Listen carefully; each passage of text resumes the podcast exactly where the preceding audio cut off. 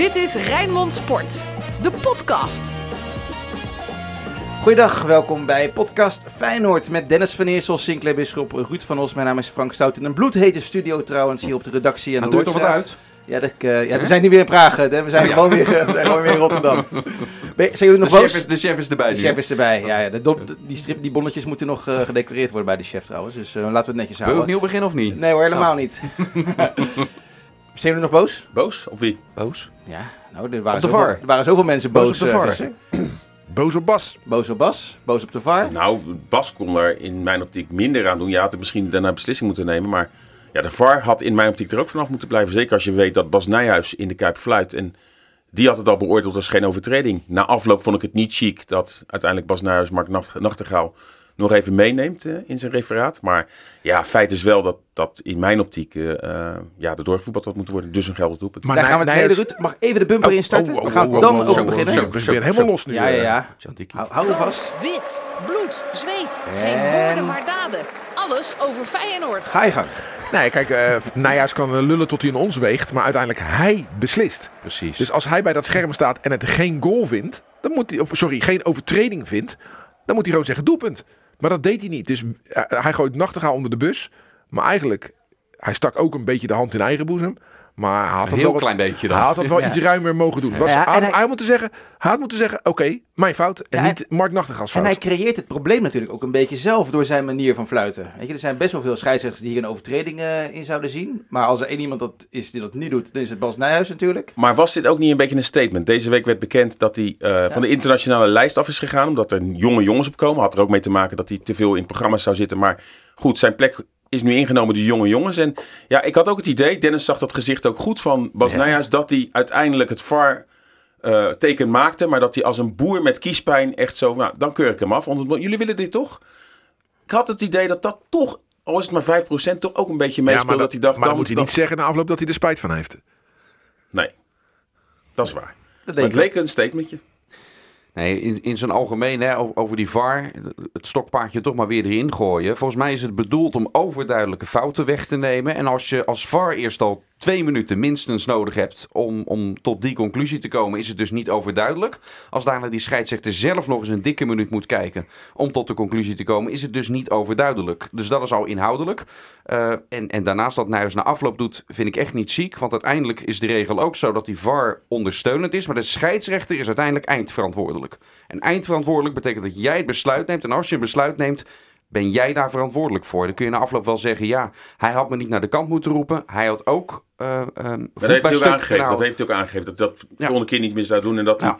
baalde. Maar dat hij dus, doordat hij dat beeld maar terug bleef eh, kijken, een soort loop, dat hij toen toch ging twijfelen. Ja. En in de rust wel zag van, nou ja, nee, ik had het toch bij het rechte eind. Maar dit is denk ik van alle VARs die we de laatste jaren gehad hebben in Nederland en alle een van de moeilijkste beslissingen. Want de helft van Nederland zegt overtreding en de andere Ja. helft zegt geen En overtreding. en dat maakt is? het gelijk ook weer makkelijk. Precies, Omdat dat je- maakt het juist precies. de makkelijkste beslissing. Ja. Wat het moet, dat is de regel. Een overduidelijke Nee, fout nee, nee. zijn. d- d- Daar, gaat, daar ben ik met je eens. Nee, het gaat mij erom dat deze, de- deze situatie kon je voor 50% links zeggen en voor 50% rechts. Ja. En vaak is het zo, als je kijkt, denk ja, inderdaad, nee, het is wel of het is geen overtreding. Maar bij deze blijft ten alle tijden tussen, tussen voetbalkijkers Zeker. twijfel. Maar, Maar- dan, als het dan een VAR-moment is, dan blijft het bij het besluit zoals de scheidsrechter Ja, het in instantie heeft eens. En genomen. die stond er best Maar, goed voor. eh, het mag niet uitmaken, maar toch, ja, Bas Nijhuis heeft ervoor gezorgd dat er toch andere regels gelden op het moment dat Bas Nijhuis fluit. Het zou heel raar zijn als je dan dit Ja. affluit en een andere overtreding in die wedstrijd, want dan fluit je eh, Bas Nijhuis dood. Want daarna kan dan een heel kleine overtreding, moet je dan ook voor fluiten. Dus zeker met Bas Nijhuis, met de andere scheidsrechter had ik best wel kunnen voorstellen dat dit doelpunt werd afgekeurd. Maar hoe Bas Nijhuis fluit, ja, En dan is het raar om dit, deze overtreding Ja. dan een overtreding En te dat is eigenlijk ook niet Ja, goed. nee, ik ben Nee. helemaal met je, Nee. helemaal mee eens. Helemaal mee Precies. eens. Weet je, regels zijn regels. En hij marchandeert er al jaren mee. En dat wordt heel- door heel veel mensen leuk gevonden. Eh, Maar ik vind het wel een goede scheids. Het is ook een goede Want scheids. dit komt wel de wedstrijden ten goede dat hij veel laat doorgaan. ja, hij slaat erin door. Maar Precies. het, zeg, het zei gisteren misschien wel genoeg dat hij na vier seconden al voor een overtreding floot. Toen keek Dennis Nicola. Ik denk, wat is dit nou pas? Nou, heeft, hij zijn broer, heeft hij zijn broer gestuurd? Heeft hij zijn broer. Hey, ik wil even in diezelfde minuut eh, blijven. Want wat een ongelofelijke ziekenhuisbal van Geert Ruida Ja. zeg. Hij was sowieso Ja. niet best, maar dit was wel de slechtste actie van hem. Ja, ja een, eh, een, een- doodzonde is dat eigenlijk. Hè? Door de breedte eh, zo uitverdedigen. Malasia probeert het nog te herstellen. Daardoor ziet het er allemaal wat, eh, wat onhandig uit. Maar het begint inderdaad met, eh met Geertruida. Ja, dat, dat was niet goed, duidelijk. Nee, nee. En Senesi daarna ook niet, eh, niet optimaal ingrijpen natuurlijk. Nee, nee. Maar de fout ligt bij, eh bij Geertruida. Hij, heeft niet zijn- hij heeft niet zijn kans gepakt. Laten we het daarop houden, toch Sinclair? Nee, eh, ik moet zeggen, ik, ik vind hem wel vaker eh, met heel veel risico spelen. Hè. Eh, zag er ook niet goed uit toen hij de, de kans kreeg in die wedstrijd in Arnhem. Eh, en ja, Pedersen is nou eenmaal verder. Maar aan de andere kant kan hij dan wel opwerpen dat ja, het niet meehelpt als je zo weinig ritme hebt. Als je er dan op een gegeven moment weer ineens moet staan in een goed rijdend elftal. Maar ja, dit soort pasen moeten eruit. Ik vond hem tegen, tegen Praag wel eh, sterk invallen en tegen Twente eh, ook. En ja, bij Geertruida blijft het zo dat... Ja, het is een verdediger, maar zijn grootste kwaliteiten zitten hem niet op het, op het defensieve vlak. Dus ja, dat, dat blijft natuurlijk iets bij hem. Ja, maar waar dan wel? Waar moet je hem dan neerzetten? Nou ja, hij is in aanvallend opzicht is hij natuurlijk onwijs belangrijk geweest al voor Feyenoord met zijn doelpunten. Eh, eh, maar ook van de as van het veld tegen Praag bijvoorbeeld met, met die assist. Eh, dus ik vind hem, vind hem voetballend. Als hij op de helft van de tegenstander is, vind ik hem niet zo onaardig. Alleen hij, daar kun je namelijk ook dat risico permitteren. Want dan heb je vaak nog mensen achter de bal. Alleen hij doet dat dus ook. Dat soort voetballende risico's nemen. Wanneer hij in de buurt van zijn eigen goal is. Ja, en dan kan het meteen dodelijk zijn. Het gekke is wel dat hij juist als verdediger altijd als heel groot talent werd bestempeld. Hè. Hij stond zelfs ooit op zo'n Golden Boy eh, lijst award. Eh, als verdediger. Ja, Eh, had wel met dat voetballend vermogen eh, Ja, te ja. maken. Hè? En niet zozeer sec het pure verdedigen volgens mij. Nou, hij heeft vorig jaar natuurlijk best wel veel eh, eh, positiviteit gekregen. eh, en terecht, denk ik. Mhm. Een jongen die dat, voor wie dat absoluut niet gold, is nu wekelijks een van de uitblinkers met Orkun Kukcu. Was gisteren ook weer, eh, weer hartstikke goed. Kreeg ook een mooie, een mooie schilderij hè, van, mooie, van 100 wedstrijden plus. Hij was echt goed. Hoe, ja, we hebben het er al vaker over gehad. Maar wat, wat maakt hem nou zo goed? Fit. Ja, Dat is het. De jongen heeft het licht gezien en is aan zichzelf gaan werken. Is afgevallen. Heeft meer spiermassa en heeft nu niet meer broekje XL, maar broekje L. Ja, hij is gewoon fitter. En een andere positie. De combinatie van, eh, van die twee. Want hij is ook van die nummer 10 plek. eh, is, die, is die afgehaald naar de nummer 8 rol nu. Ja, en dat, dat zit hem als gegoten. En het een heeft met het ander te maken. Hè? Misschien had hij nu op de 10 positie, nu die fitter is, had hij misschien ook beter tot zijn recht gekomen. Ik denk dat dit eh, toch echt ook goed gezien is. Dat hij nu vanaf een plek is waar dit spel net wat meer kan, kan verdelen. Eh, eh, hij kan ook buffelen en zijn defensieve arbeid doen, wat op deze plek meer, eh, meer tot zijn recht komt. Ja. En hij is technisch begaafd. Wat je gisteren een paar keer zag, stond hij onder druk in, in, in de kleine ruimte. Twee man om hem heen. En dan toch die bal bij hem houden. En nog een prima paas op een medespeler geven. Ik vond hem echt heel sterk spelen. maar, maar, maar zo zie je dat zeker voor jonge jongens en talenten en, en ook Feyenoord, maar ook andere clubs halen wel eens spelers en die schrijven we wel eens af. Maar alles valt of staat ook wel met welke trainer er rondloopt. Met alle respect voor als advocaat hier nog had gelopen, dan had hij waarschijnlijk ook niet die arbeid gedaan. Dan had het misschien helemaal niets geworden. Had hij misschien naar, al, al een transfer gemaakt en dan had je gezegd van, ja, Kukcu, was dat nou dat grote talent? En nu komt het er ineens wel uit, maar dat heeft ook met een trainer te maken. Dus dat is soms zo belangrijk als speler welke training je hebt en hoe je gebruikt op een gegeven moment Ja. wordt. En op dit moment lijken alle puzzelstukjes voor deze speler toch goed te gaan vallen. Maar het had net zo goed had hij de verkeerde afslag kunnen nemen. Maar we hebben het over 10. Mag ik dan eh, de, de, de nummer 10 van Feyenoord wel even bespreken? Want daar maak ik me wel een beetje zorgen om. Om Guus Guus Til. Til.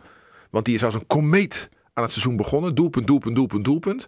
Het is nu Maar een vallende ster. Ik vind hem nu... eh, En dus is die lat de- nu... Ja, ja, maar ik vind hem... eh, het is goed dat Feyenoord dit soort duels ook wint.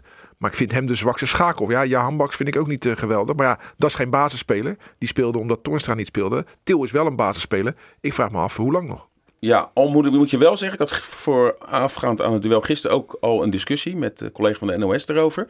Ehm, en toch zie je wel dat hij zoveel sleurt, waardoor hij gaten trekt voor anderen. Dus belangrijk voor het elftal. En misschien is Til wel een speler die niet altijd belangrijk hoeft te zijn met het, eh, het maken van doelpunten. Om wel belangrijk te zijn voor het uiteindelijke eindresultaat. Maar aan het begin van het seizoen lukt het wel. Ja, en dat heeft dan toch misschien wel met de discussie te maken. Dat het nu begint op te breken. Dat hij toch al die jaren, de laatste twee jaar gewoon weinig gespeeld heeft. Hè? En, en je ziet het bij Jaanbaks, je ziet het bij Prupper, bij PSV. Dat zijn jongens die weinig gespeeld hebben, komen dan naar de eredivisie. Ja, dan is het niet zo makkelijk om dan maar gelijk weer de oude te zijn. Nou, dat, dat was verrassend, want we keken eigenlijk ervan op hè, dat hij het zo goed deed. Ja, misschien is dan nu die... Mag ik wel de kanttekening maken dat Guus Til op dit moment de meest scorende aanvallende middenvelder van de Eredivisie nog steeds is. Ja. Bijna topscorer van, eh, van Klopt, Omdat hij Nederland. zo goed is begonnen aan het Dat is goed is begonnen. Ja. Maar hij speelde gisteren slecht. Zeker, maar dat wil niet zeggen dat het eh, andere niveau niet ook op een gegeven moment weer terugkomt. Dat zeg ik ook niet. Maar, ik, Hij maar gaat er geen 30 in een seizoen Nee, maken, maar hij als dat is- het verwachtingspatroon is. hij speelt de laatste weken gewoon niet goed. Daar waar hij aan het begin van het seizoen wel goed speelde. Je hoeft niet altijd te scoren om goed te spelen.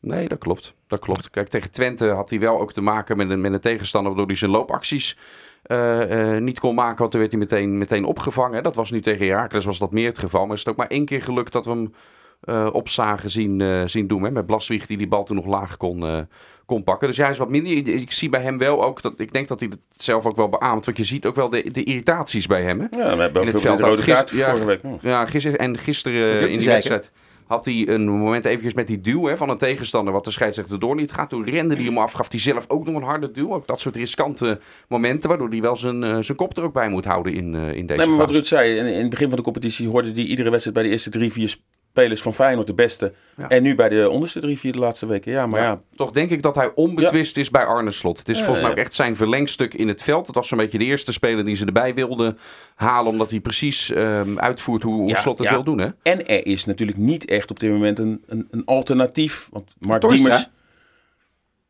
Ja, al ziet Toorn, hij Toornstra er ook liever in die controlerende rol. Het zou kunnen. Nou ja, maar dan, dan moet je handbaks beter gaan spelen. Ja.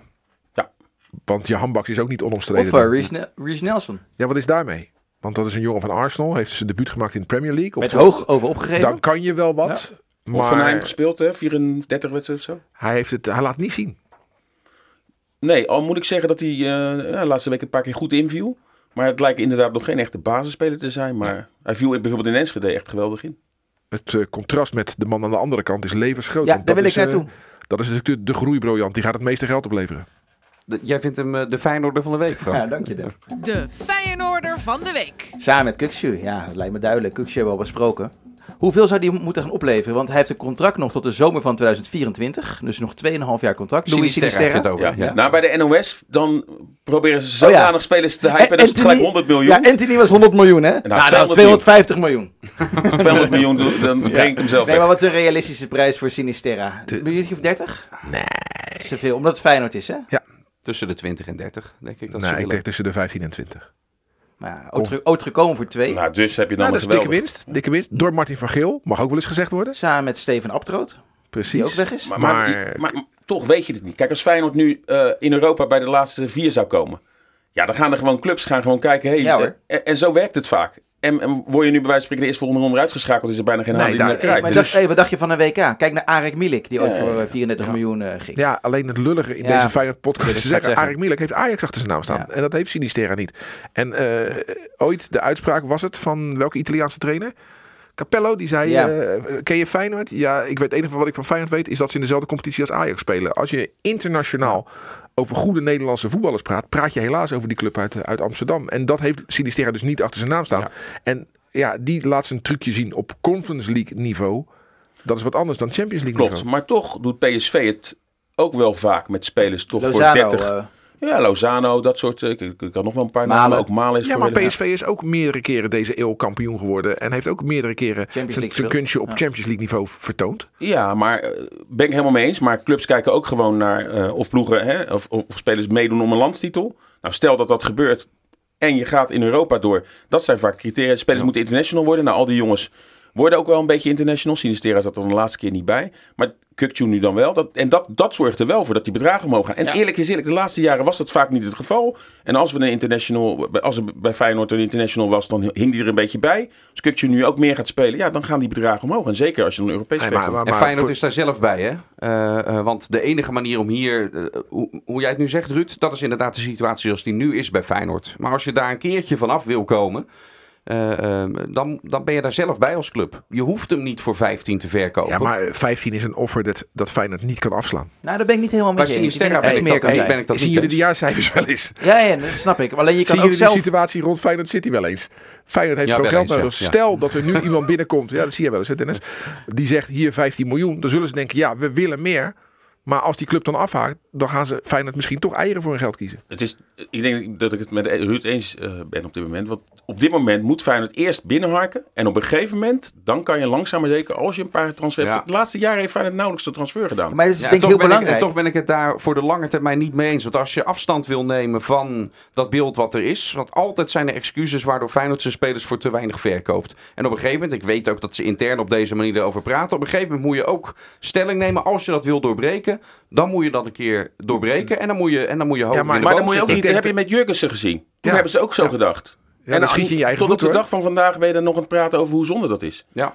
En eh, nogmaals, alles valt of staat met als jij de komende weken echt aan gaat sluiten en je gaat om de titel spelen, is het misschien realistisch om meer te gaan vragen. Maar als Feyenoord na de winterstop dadelijk ook weer een verval en je speelt om 3-4 en je bent in Europa niet meer actief, dan is er toch geen enkele club die dan... eh, Mannen, jullie zijn onderdeel van het probleem. Want wat, wat gebeurt er in Ja, Amsterdam? Alle media rondom Ajax, maar wat dan doen wordt- die? Die nee. lopen ja, ja, Anthony Nee, nee, is 100 nee, miljoen maar waard. En ik- wat gebeurt er bij de media rondom Feyenoord? Die club altijd maar klein praat. Nee, maar- nee, nee, nee. nee. Sinisterra 15 miljoen. Kom op jongens. Nee, nee, als je om de titel meespeelt en je bent international en eh, eh, je speelt in Europa nog bij de laatste acht, dan, daar kijken de clubs naar. Ja. Die gaan helemaal niet denken van, weet je wat, we vinden Feyenoord zo'n mooie club, dus die Nee, spelen halen we daar. Nee, maar- dus ze kijken naar eh, wat een club eh, voor intensiteit speelt. Speel je mee om een titel of speel je daar complex vier? Daarom zeg ik toch ook, zeg toch, wacht nou even af of...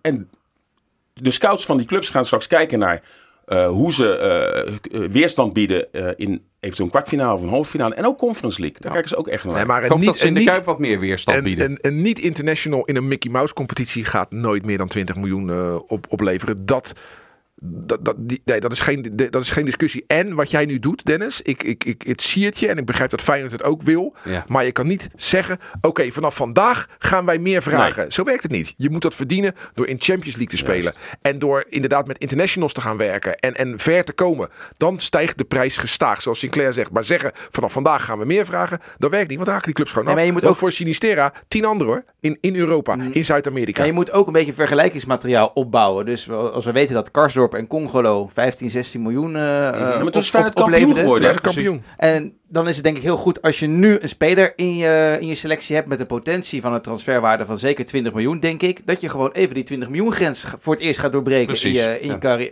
in je, in je clubbestaan. Dus Ja, dat is een wens. ja, maar dat zou toch helemaal niet zo gek zijn? Omdat ik denk echt dat je voor Sinistera 20 miljoen kan vragen.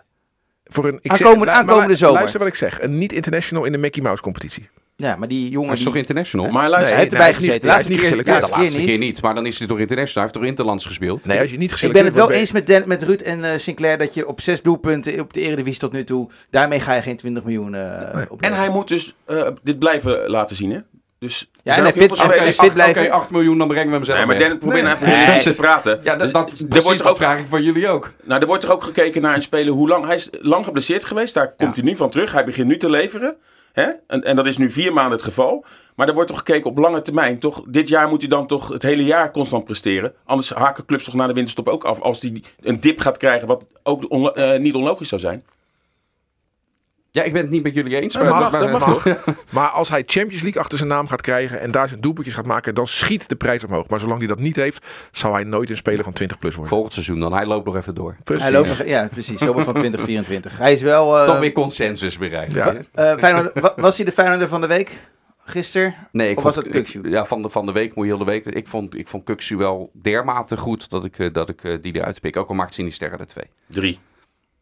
Ja. Hm? Ja, twee, en, drie. en- Ja, ja, en ja, twee die tellen. ja. En Hij twee die tellen. hat-trick. Ja. Ja. Nee, ik zou ook voor uh, Sinisterra kiezen. Ik, ik geniet daarvan. Ik vind het echt knap hoe hij eh, als een wervelwind daar links voor eh, beweegt. En eh, goed in de afronding. eh, goed, weet goed. Oh, En, en, en even één, één, har- eh, al is het alleen al uit hart onder de, eh, onder de riem steken. Marciano. Toch even eruit eh, lichten. Want tegen Twente werd het al gevraagd, heeft hij zich gerevancheerd? Dus hij slot ja, op basis waarvan. Want hij had helemaal niks te doen, die moest erom lachen. Maar nu heeft hij wel bij één sleutelmoment eh, gestaan. Ja. Anders, anders wordt het 1-2. Zeker. Geweldige eh, redding. Geweldige redding. Maar- Burg zorgt het ook slecht, Ja, ik want hij speelde de bal te ver voor zich uit. Ja, En daardoor kreeg, kreeg eh Officio Marciano nog een kans. Wat er wel opviel gisteren. Sinistera na afloop eh, werd geïnterviewd dan door ESPN. En Slot was toch op de persconferentie wel kritisch over Ja. hem. Eh, waar je verwacht van, nou, het is inderdaad een speler die tot nu toe, hè, eh, ja, eh, trainerstrucje. trainerstrucje. Beide, ja, benen, beide benen op de Ja, grond houden. Hij was wat kritisch op hem en hij mag nog wel constanter worden. En, eh, het, Ik vraag me altijd af hè, of eh, zo'n Sinisterra dat überhaupt meekrijgt wat er op de persconferentie wordt gezegd. Ik denk het niet namelijk. Het is in Nou, Nederlands. Dus. Nou, weet je, het is, het is, dat weet ik wel. Het is bij voetballers altijd naar buiten moet je uitstralen. Het interesseert me niks, ik lees het niet. Ja. Maar ze lezen het allemaal. Allemaal. Maar denk je echt dat, dat hij met zijn Google Translate dit gaat Nee, vertalen? nee, maar er zijn zat mensen die zorgen dat hij het wel. Ja. Want wat in de Nederlandse media eh, geschreven wordt over Luis Sinisterra, wordt door de Colombiaanse media overgenomen en vertaald. En zijn sites, kijk, jij gaat eh, naar Rijnmond.nl en naar weet ik het wat, wat voor sites. En hij gaat naar eh, een, krant in Colombia en dan gaat hij daar lezen. En daar staan gewoon berichten over hem hoor. Die En- uit de Nederlandse media zijn En, gehaald. als zelfs, en zelfs al lees je het nog niet eens zelf, zelfs al zou dat toch waar zijn, dan komt het altijd wel via vrienden of familie, komt het toch, eh Maar ja, ik, neem aan dat ook Arne Slot zelf tegen hem dan zegt wat, die, Tuurlijk. eh, wat de Ja, minpunten zijn. Dat, precies. dat hij inderdaad wel Tuurlijk. vindt dat hij... Voetballers hebben de hele dag geen reet te doen joh. Die zitten de hele dag op die telefoon. Ja, Dat is, ja. nee, inderdaad. inderdaad. Wat, wat, eh, wat ik wel ook wel goed aan, aan Sinisterra vond, dat- dat toont aan dat het een goede jongen is, het met het hart op de juiste plaats is, dat hij zo, werd, zo was geschrokken bij die verschrikkelijke blessure van Azoui. Ja, maar is niet alleen hij. triest. Dat Nee. was iedereen, maar, j- Maar- jullie waren er niet bij. Maar in dat stadion, Ja, dan, dan stil hè. is inderdaad. het helemaal stil. En dan hoor je zo'n jonge kermen, joh. Dat gaat door merg en been. Ja. Echt verschrikkelijk. En ja. Ja. je zag ook spelers van Heracles huilen. Ja. Nee, en Sinisterra er ook bij staan. En ja, het Ja. is eh, zo, zo triest allemaal. En op, maar- op, op tv werd het Het ook niet een, echt het is veel een, herhaald, eh, een gelukkig. mooi ventje. En eh, ja, ik, ja, wat ik zeg, de, de, de, Feyenoord groeibriljant. Ik denk dat hij de meeste potentiële waarde vertegenwoordigt in deze selectie. Ja, en daarna Kuksu, denk ik. En dan Bijlo. Toch? Ja, al ja, dat staat. En, eh, ja, ik weet het, hij is niet in voor. Maar Senesi staat er ook bij heel veel clubs Oh, wel ja. goed op. Ja, Ja. Ja. helemaal eens. Eh, je had het net over de persconferentie van Arne Slot. Hij was echt eh, geïrriteerd, maar ook zelf kritisch. Hè? Maar het duurde heel lang hè, voordat hij kwam bij de persconferentie, of niet? Ja, maar kom op. We hebben het er al heel vaak over, ook wij. En dat ik doe ook met zijn Ruud-verslag.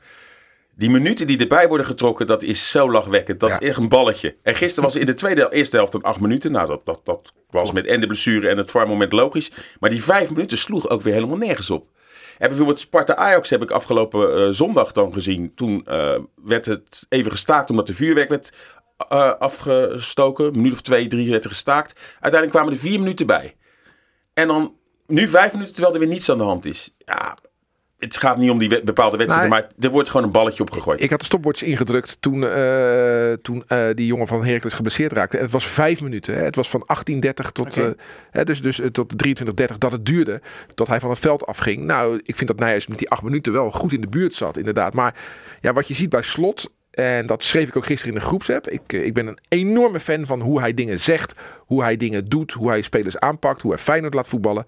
Alleen ik vind zijn, als ik een verbeterpunt mag noemen, is het zijn houding langs de lijn. Ik vind hem een negatieve uitstraling hebben richting het arbitrale kwartet. Ja, tijdens de wedstrijd dan Ja, met tijdens de wedstrijd. Ik vind hem eh, veel... En als het dan Feyenoord net even niet loopt, staan 1-0 achter. Of het staat nog 1-1 en ze zijn er nog niet.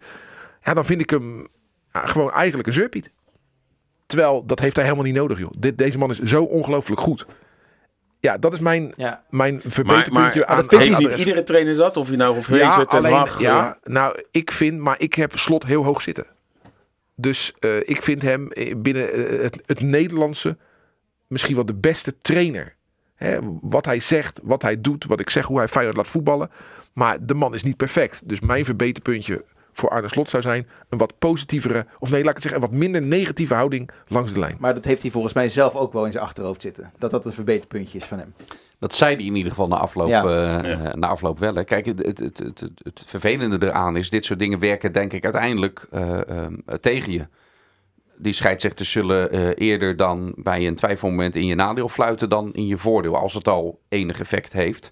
Maar als je heel de tijd loopt, loopt te klagen, dan zullen ze eerder, e- eerder in je nadeel gaan fluiten. Dat ze daarna denken van, oh, loopt al te klagen, we gaan voordeel. Nou, maar dat Of is het, juist hè. niet. Dat is het. Hè. De, vaak wordt er gezegd, eh, eh, niet alleen door, door, door bij Feyenoord, maar bij andere clubs. We moeten ons wel laten gelden. We moeten niet alles slikken. En daarom vliegen ze er bovenop als er iets gebeurt waar ze het niet mee eens zijn. Maar je moet het altijd even naar jezelf verplaatsen. Jij gaat straks hier naar de redactie en daar is, daar is een collega die gaat de hele dag tegen je lopen zeiken. En, Ja, aan, Frank. en aan het einde, Sorry, aan, het, aan het einde van de dag vraagt hij je om een gunst. Dan denk je toch ook, ja dag vriend, je loopt de hele dag te zeuren. En aan het einde van de Ja, dag moet, ik, moet ik je een Sorry. gunst... eh, Ja. Dus eh, nee, Maar als ik het een klein beetje voor slot mag opnemen, had gisteren wel bij een punt. Want Ik zeg- vond ook vlak voor de pauze dat trouw, op die overtreding op Trouwen. zeker. Ja, Zeker. Ik zeg, toen was, toen was de rood in. VAR Nee, nee, maar- confiale volgens mij. Ja. Ik zeg niet dat hij ongelijk heeft, maar ik vind zijn algehele presentatie als Feyenoord nog niet voorstaat langs de lijn, vind ik gewoon te negatief. Hey, voordat we naar eh Feyenoord Fortuna gaan, eh eventjes een, eh een mea culpaatje vanuit mijn kant. Want eh, ik zat er volledig naast met eh, Frederik Buurkan. Het Gaat naar. Hertha. Hij gaat naar Hertha. Het, ik kreeg door van ja, het, eh, Nou, het, het gaat, het gaat helemaal Ja, rondkomen. ik, ik, ik denk dat door jouw scoop dat Hertha wakker is geworden Ja. van hé, hey, die kunnen we transfervrij ophalen. Nee, dus maar jij, jij hoeft geen mea culpa te doen, want dit is heel gebruikelijk in de voetballerij hoor. Ik bedoel, eh, eh, als je kijkt bij mijn club bij Sparta, daar was het persbericht Darfalou van Vitesse naar Sparta was al getikt. Ja. Alleen op het laatste moment trekt hij zijn keutel in. Eh Wouter Burger van Feyenoord zou voor vijf ton naar Sparta gaan. Maar op het laatste moment zei Basel, ja, maar hier kan je vier keer zoveel verdienen. Dus eh, het kan best zijn dat een club rond is met een speler, maar dat die speler op het laatste moment een andere keuze maakt. Nee, ik heb natuurlijk wel eventjes gevraagd van, joh, hoe zit dat nou? En zo, ja, eh, zij hebben zoveel meer financiële mogelijkheden. Ze konden zoveel meer tekengeld eh, bieden. Dat, eh, dat hij uiteindelijk toch voor Hertha heeft gekozen in plaats nou van, ja, van eh, Feyenoord. ik begreep en Dennis, dat, dat- dat- bij Feyenoord hè, eh, was er sprake van mogelijk kunnen we wel in de winterstop. Maar nu wordt er toch ook nog echt gekeken van nu er geen publiek is, wat het nou precies voor effect heeft. Dus of er wel eventueel versterkingen kunnen zijn. En dat helpt dan niet mee op het moment dat, dat, dat je moet beslissen. Maar wat je zegt, ik heb toen ook bij Karsdorp, eh, het was duidelijk, hij mocht niet naar Feyenoord van al die eh, presidenten. Werd ook daadwerkelijk door die familie gezegd, gaat niet rondkomen. Ja, uiteindelijk wordt er toch een ja gegeven en dan komt dat rond. En dan slaan mensen, hè, die slaan zich op de dijen van, nee, er is geroepen dat die of die niet of wel kwam. Maar ja, zo werkt dat in, inderdaad vaak. Eh, Hij moet echt getekend hebben, hij moet ook daadwerkelijk echt achter zo'n tafel zitten en dan is iets 100% rond. En kijk eens naar de speler zelf. Je bent rond met Feyenoord, wat ik best wil geloven, dat, dat daar iets aanstaande was. En dan komt er ineens een club uit de Bundesliga. Een competitie die gewoon acht keer groter is dan de competitie waar wij mee te en waar maken je veel hebben. meer verdient. En waar je mee, veel meer verdient. Kan je het die jongen kwalijk nemen? Nee. Nee, En, al ik, had het en voor- ik neem jou ook niks kwalijk. Het voordeel voor hem had wel geweest dat er wel twee Noren op dit moment, eh, eh, ook, ook van die club, één, Ja. één speler ook van die club, eh, eh, van nationale ploeg, dat ja, hij daar wel misschien beter had kunnen wennen hier. En hij ziet hoe makkelijk je eventueel toch in Alleen de hij had wel komen Malasia met voor zich nog, hè? Ja, Dus dat we... En we blijven een Mickey Mouse competitie. hoor. Dat moeten we echt niet vergeten. Wij, wij denken dat we hele pieten zijn. Maar onze competitie stelt echt niet zo heel veel voor. En dan gaan we ook nog eens als enige in Europa een lege stadion spelen. Het werkt allemaal niet mee. Je zit wel een beetje in de Sinterklaasmodus. hè? Je vindt Arne Slot een zeurpiet. nu denk je dat we hele pieten zijn. Dus eh, je bent een beetje zenuwachtig, ik merk het. Hey, Feyenoord Fortuna Sittard. FC Rijnmond. Archief. Pak ze er maar weer bij hoor. Ja, Sinclair. Je, had er net al eentje. Nou, eh, gelukkig wint Feyenoord heel vaak van Fortuna. Maar het gebeurt ook wel eens dat het eh, eh, misgaat. Maar ik weet nog een wedstrijd. klinkt gek, maar 1997. Toen speelde Feyenoord om de landstitel. Ajax was dat jaar dramatisch. Werd uiteindelijk vierde. Maar Feyenoord en PSV waren verwikkeld in de strijd om de landstitel. Uiteindelijk eindigde PSV met 34 wedstrijden 77 punten. Feyenoord 34 wedstrijden 73 punten. En ja, in die laatste wedstrijden vergooide Feyenoord het een beetje. En toen was er een wedstrijd Feyenoord-Fortuna op eh, 19 april 1997. Nou, het kleine Fortuna kwam langs en ja, ik zat ook in het stadion, dat, dat wint Feyenoord Als wel supporter. als supporter. En uiteindelijk al heel snel Michael Jeffrey 0-1. En eh, nou, Pablo Sanchez maakte 1-1. Patrick Pauwen speelde bij Fortuna, maakte 1-2. Eh, het werd 2-2, Henk Vos. Het werd 2-3, Michael Jeffrey. Het werd 3-3 door een penalty van Ronald Koeman. En toen weet ik, vier, eh, een minuut of acht voor tijd werd het 4-3 Simons? door Pablo Sanchez. Nee, dat was een andere wedstrijd. Pablo Sanchez. En heel die kuip ontplofte, want 4-3. Ja, en Feyenoord eh, in de race om de titel won dan uiteindelijk toch nog van Fortuna. Totdat Fernando Rixen, wijlen Fernando Oké. uiteindelijk in de slotminuten toch nog 4-4 maakte. En dat was heel duur puntenverlies. Maar wel een eh, hele spectaculaire wedstrijd. Toen was Van Marwijk trainer van Fortuna, denk ik. Volgens mij nog niet. Nee? Maar misschien wel. Oh. Maar ik dacht het nog niet. Nee, ik denk dat hij daarna pas daar eh, Ja. trainer werd. Maar het zou kunnen. En Van Bommel op het middenveld ook. Of heb je dat niet ook? denk? Ik denk ook nog niet hoor, 97. Maar Regilio Simons viel wel in. Pim Verbeek was de trainer. Weile Pim Verbeek was de trainer van Fortuna Sittard. Henk Duut assistent. René Eijer assistent. En ehm, ja, inderdaad, eh, je, je noemde het al. We hebben nou, bij PSV eh, niet Van Bommel. Maar Nee, Arno van Zwam, Irvin Lee, Robert Roester, Jurgen Derks, Fernando Rixen, Patrick Power, Burke, Cole, Oesta, Oh ja. Michael Jeffrey en Phil Gray. Nou ja, ik vond, ik vond Phil ook altijd een beetje een grijze muis. Maar voor de rest, eh, mooie namen. Eh, Ruud, welke heb jij? Ja, voor mij als niet Feyenoorder is, als ik aan Feyenoord Fortuna denk, altijd die wedstrijd dat die supporters het veld opkwamen. Een, een, Oh ja. een moment. Dat was, ik heb het Ook even opgezocht. eh, ook met Pim Verbeek. Ja. Ook met Henk Duut spelend voor eh, Fortuna Sittard. Ehm, het was 20 augustus 1989. Het was de derde speelronde. En toen al brak dus de pleuris uit. Na drie wedstrijden. Feyenoord had eh, nog niet gewonnen in die competitie. Had gelijk gespeeld tegen Volendam en verloren van Utrecht in de eerste twee wedstrijden. En pas na acht wedstrijden zou de eerste overwinning volgen. Maar die, eh, die, die, die zondagmiddag in de Kuip, ja, eh, iedereen die ouder dan 40 is, zal de beelden nog wel voor zich kunnen halen. Hè, Feyenoord komt met 2-0 achter door doelpunten van Moordang en De Vries. En Roelof Luigen was scheidsrechter. Er zaten maar 10.000 mensen in de Kuip. Maar eh, de helft daarvan stond op een gegeven moment gewoon eh, op het veld. Ik was een van de 10.000, maar ik bleef keurig als jonge jongen nog op de tribune zitten. Maar Ja, ja, dat gelooft. Nee, helemaal dat geloof ik ook niet. niemand. Nou, ik zou je zeggen, ik heb natuurlijk later dreadlocks gehad. En er was dan één supporter, een bekende Feyenoord supporter. Die had toen van die grote dreadlocks. En die liep ook als een van de eerste richting die spelerstunnel. En tot op de dag van vandaag roepen mensen nog wel eens... Hé, hey, jij liep toen, jij was toen die dreadlocks. jij liep toen op het veld.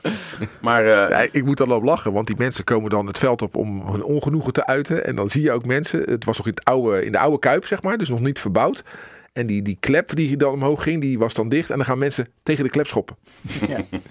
Daar moet ik dan wel een beetje om lachen. Maar ja, het was eh, de, de aanzet tot, tot het HCS-debakel. ja. En eh, ja, de enge ziekte gekoppeld aan het woord bestuur eh, ging door de kuip.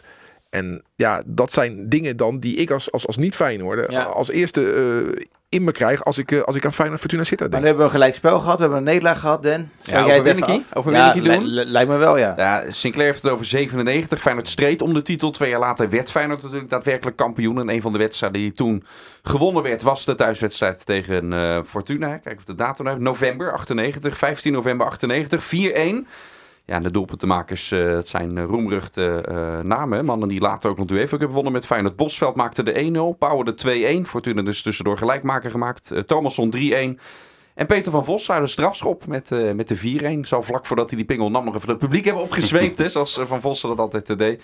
Ja, prachtig elftal was, was dat. Een paar jaar terug hebben we met, met Beenakker natuurlijk uitgebreid teruggeblikt op dat kampioensjaar. Ja. Die laatste, dat was dan de laatste reeks wedstrijden. Dus deze zat daar... Zat er niet bij. Was, eh, ja, was prachtig ook om daarop eh, terug te blikken. Zoals we dat nu aan het doen zijn op die, eh op die van, eh, van 20 jaar geleden. Als ik deze namen weer voorbij zie. Ja, podcastserie. En komen. aankomende maandag hebben we weer een nieuwe podcast, hè? Ja, dan eh, gaat het over die uitwedstrijd bij, eh, bij Freiburg die Feyenoord speelde. Nou, niet eens zo gek ver bij Sittard vandaan. Zo is de cirkel weer rond. Ik wist helemaal niet dat Peter van Vossen de pingels eh, mocht nemen. Dat was ik alweer Ja, vergeten. Maar als eh, de grote Pierre gewisseld was. Die speelde toen nog Nee, niet bij, bij Feyenoord in eh, gespeeld. 99. Oh nee, natuurlijk niet. Zo, zo, dus, eh, Oeh. weer een mea culpaatje. Maar goed, we Ja, zitten ja, nu wel op het eind van de podcast. Dus eh, mensen die nu nog zijn eh, blijven hangen. Die, Ja, maar dit is wel two, zijn- two strikes. hè. Je zit met een honkballer hier. eh. ja, precies. zijn het hopelijk vergeten. Als ik even terug mag naar die wedstrijd waar ik het net over had. En dan als we het dan over opstellingen hebben. Dan zie ik bijvoorbeeld dat Hiel in de goal stond. Nou, dat is niet zo gek. Dat heeft hij heel lang gedaan bij Feyenoord. Noordton, Heus, Troost. Dat zijn bekende namen. Maar ook Jan Mulder speelde in dat duel. Oh ja. Jan Mulder die later eh, een tijdje niet buiten is geweest. Eh, en Ton Lokhoff, Keur, Kiepries, Blinken, eh Smollarek. Maar er is één naam en dat verbaast mij dan. Martin, wat je Nee, nee, nee. Arjan van der Plas. Oh ja. Die is een hele korte periode basisspeler bij Feyenoord geweest. Maar daarna totaal van het... eh, Ook een beetje met blessures te maken. Excelsior nog geweest, geloof ik en zo. Maar ja, dat is wel bijzonder. Hè? Dan, dan debuteer je bij een, een topclub in Nederland. Maar daarna verdwijn je wel helemaal van het, van het, van het toneel. Maar Feyenoord had toen veel van de jongens hè, in die periode. Met Ed Roos, je Tebbenhof. Allemaal jongens die. Uiteindelijk heel snel toch via eh, de zijdeur uit het betaalde voetbal. Dwight Blackson, Uit Blackson, eh, ja. gebroeders Simons. ja. Heel veel van die jongens die, die dus, dus, dus goed genoeg waren om in Feyenoord 1 hun minuten te maken. Maar ook heel snel weer weggebonjourd werden. En dan op een veel lager niveau nog soms. Nou, en sommigen helemaal niet. Nee. Fernando Pascale, ook zo'n speler. Ja. Weet die nog? Maar dat was een paar jaar daarna. Maar En, en, en dat zijn mannen die nu nog gewoon eh, een normale baan hebben, zoals eh, jij en ik. Toch denk je, die, die zijn niet... eh, Nee, nee ik denk niet dat Arjen van der Plas eh, van dat eh, paar maandjes Feyenoord eh, miljonair is geworden. Nee, dat, wel benieuwd wa- wat, wat, wat er van hem is geworden. nou ja, Waar hij woont. zat en, hij volgens mij nog niet in de businessclub van Feyenoord? Ik heb geen flauw idee. het zou zomaar kunnen. Ik weet het Sport, niet. at, sport@rijnmond.nl of stuur een berichtje via Twitter of zo naar een van ons. Geef, gewoon even, je- geef even je nummer 0629. Ja, de, de eerste vier zijn goed, ja. De andere kan je wel invullen. Oké, mannen. Dit was het. Een beetje een extra podcast zo op een, eh een doordeweekse donderdag. Ik weet niet wanneer je me überhaupt luistert. Eh, vrijdag in FC Rijnmond Luigi Bruinsen te gast. Samen met Thomas van Haar en Dennis of Sinclair. Kijken of hij weer een flesje wijn wil, eh, wil inzetten. Dat Feyenoord eh, niet bij de bovenste vijf eindigt. Dit Nou, of, of Sinistera voor 40 miljoen eh, weggaat. 30 Nee, miljoen. Nou, 20. Nu is het 40. het, wordt, 30. het wordt steeds meer. Nee, wij, 40 Dennis en ook, ik hoor. zeggen minimaal 20 en jullie zeggen een bedrag van 15, 15. 20 zei ik, ik. ik heb niet gezegd dat het niet voor 20 gaat. Ik zeg, eh, dan moet Feyenoord echt mee gaan doen om landstitel. Moet hij eh, niet alleen international worden, dat hij nu op zijn lijst staat, maar ook echt daadwerkelijk wedstrijden spelen. En het helpt als Feyenoord in Europa ver komt. Dan kunnen dat soort bedragen zijn realistisch. We gaan het zien. We gaan het zien of die aankomende zomer eh, wordt verkocht in de winter. Lijkt me eh, een heel slecht signaal. Dus niet doen. Tenzij er inderdaad iemand komt met eh, 40 miljoen of zo. Dan moet je dat altijd doen. Mannen, willen jullie nog wat Ja, kwijt? voor, voor 40 zou ik het wel doen. Ja, hè? toch wel. Mag ik, nog, mag ik nog ergens naar verwijzen? Tuurlijk. Als je dit op donderdag of vrijdag luistert. Je hebt dan op vrijdag op tv Rijnmond heb je FC Rijnmond. Zeker kijken, Luigi Bruins. Maar om 6 uur op Radio Rijnmond. De maandelijkse editie van eh, het radioprogramma dat de voormalig clubarts van Feyenoord bij ons heeft. Casper van Eyck. En deze vrijdag om 6 uur Casper van Eyck meets Helene Hendricks. Dus Helene Hendricks komt hier naartoe. Frank, doe morgen even wat leuks aan. Ik ben En- vrij morgen. Ah, dat is jammer. En, en die gaat met Casper het gesprek aan. En ik moet zeggen, één keer per maand praat Casper met een bekende. Of dat nou Hugo Borst is of, of, of Giovanni van Bronckhorst is Van de Gijp geweest. hebben we ook Van de Gijp hebben we hier gehad. Maar, maar dat zijn hele leuke gesprekken. Die gaan niet over, over, alleen over voetbal, maar over het leven, over de voorkeur voor muziek. Dus morgen om 6 uur, vrijdag om 6 uur moet ik zeggen, op Radio Rijnmond. Maar ook gewoon terug te luisteren. Toch? Op Ook terug te luisteren. Casper van Eyck meets Helene Hendricks. Nou, hartstikke leuk. Nou, we hebben genoeg eh, gepromoot allemaal. Dan zeggen wij bedankt voor het luisteren. Heel graag tot een eh, volgende podcast. Maandag dus ook weer die terugblik op eh, de wedstrijd tegen Freiburg. En eh, hou lekker ook Rijnmond in de gaten bij de wedstrijd van Feyenoord tegen Fortuna Sittard. Bedankt voor het luisteren en heel graag tot een volgende keer. Joe. Dit was Rijnmond Sport, de podcast. Meer sportnieuws op Rijnmond.nl en de Rijnmond app.